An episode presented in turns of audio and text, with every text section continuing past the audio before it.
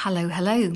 This is Sue talking to you on a very windy, rainy bank holiday Monday, just as it should be here in the UK.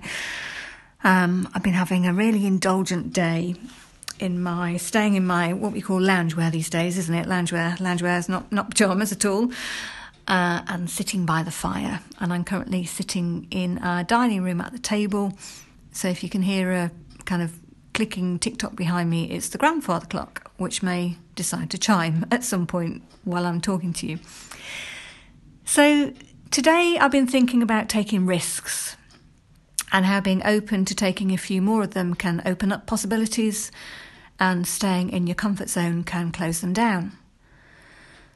I found my mind going back to two specific times in my life one where I basically bottled it and another one where I did take the leap, thanks to a bit of a push from a fling with a salsa teacher in Havana. Before I get to either of those, um, to put things in perspective, I've been reflecting that I wasn't brought up to take risks where work's concerned. When I was growing up, Mum would often tell me stories of how she was sent to the local shop as a little girl because her mum couldn't afford to buy food. So she would get sent in to say they needed to eat and could they pay later. Or she'd tell me how her first Christmas dinner with my dad was a choice of egg, baked beans, and either bacon or sausage because they couldn't afford them both. And I suppose I grew up with quite an ingrained belief that you have to work hard in life and you have to have a steady, stable job to be safe. I was the first person in our extended family to go to university. I remember mum being amazed when she came to my graduation that there were all these people because she thought it was only a few really clever people that got degrees. And I remember really clearly having the sense that everything would be okay. Um, I'd made it, I was safe when I got my first proper job after I left with a small marketing company that ran promotions in supermarkets. Years later, when I was probably about 28, I was head of internal comms for the call centres at one of the banks. Loved that job.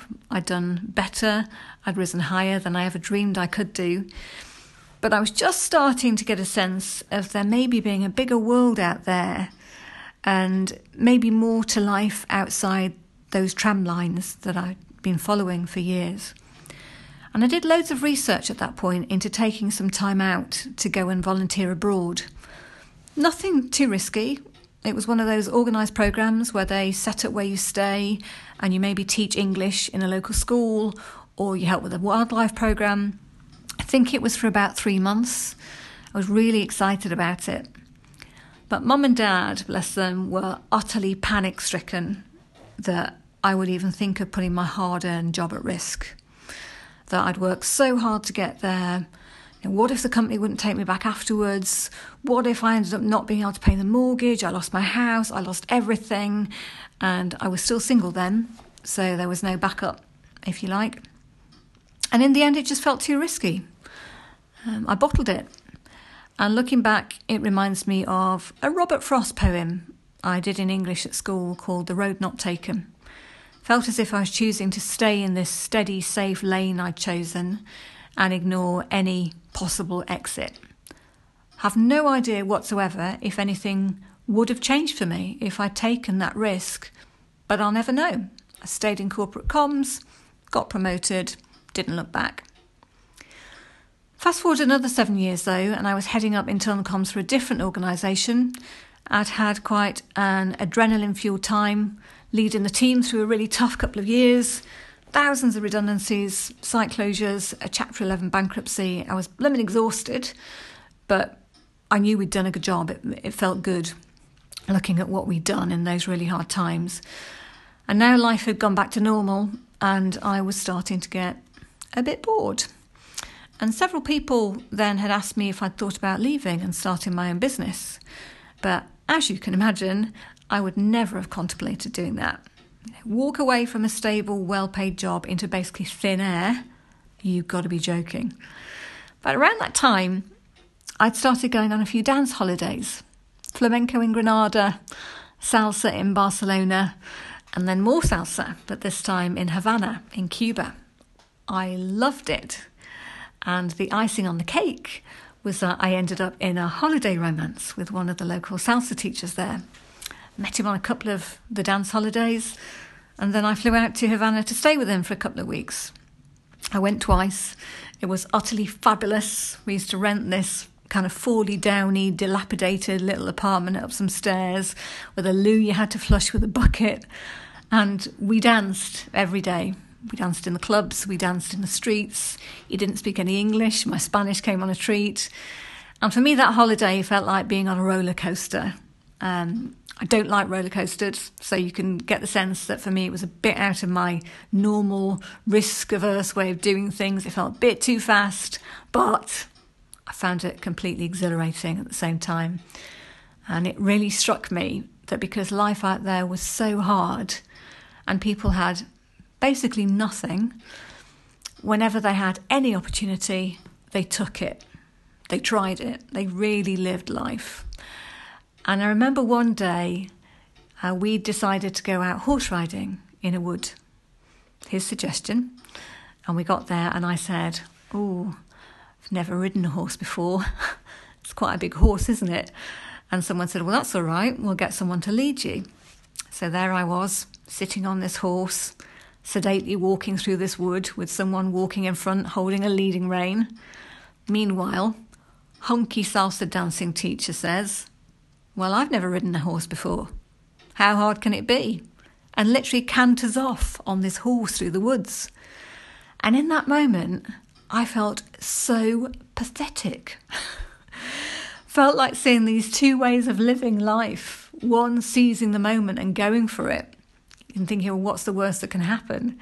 And the other one, which was mine, going, oh, well, you know, I don't know. I might fall off. It might not be safe. Can't risk it. And at that moment, I thought, right, that's it. I'm not living my life like this anymore. And when I got back home, I resigned, gave my notice in, started my own business. And at the time, it felt like a big risk. It actually turned out not to be. I was never without work. It brought me lots of opportunities, but at the time, I didn't know that. I really was stepping out into nothing. But fast forward another 14, 15 years, and there I was, settled back into my comfort zone. And the other night, my nephew was actually saying to me that he thought I'd been really brave to go out every day standing at the front of a training room and travel the world on my own to do it. But from my perspective, it felt as if I'd found something years ago that I seemed to be quite good at. People seemed to like it, so I just kept doing it. Um, probably, to be honest, a few years past the point where I was starting to get a bit too comfortable, and I should have been thinking, Am I sure this is still what I want to do? Is it a bit too safe?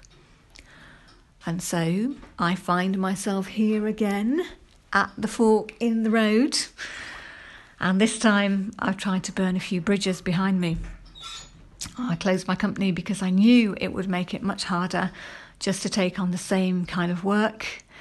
I wanted to force myself to keep looking into the nothingness of what next, even when it felt uncomfortable. And I do find myself thinking of questions like what if I can't do anything else?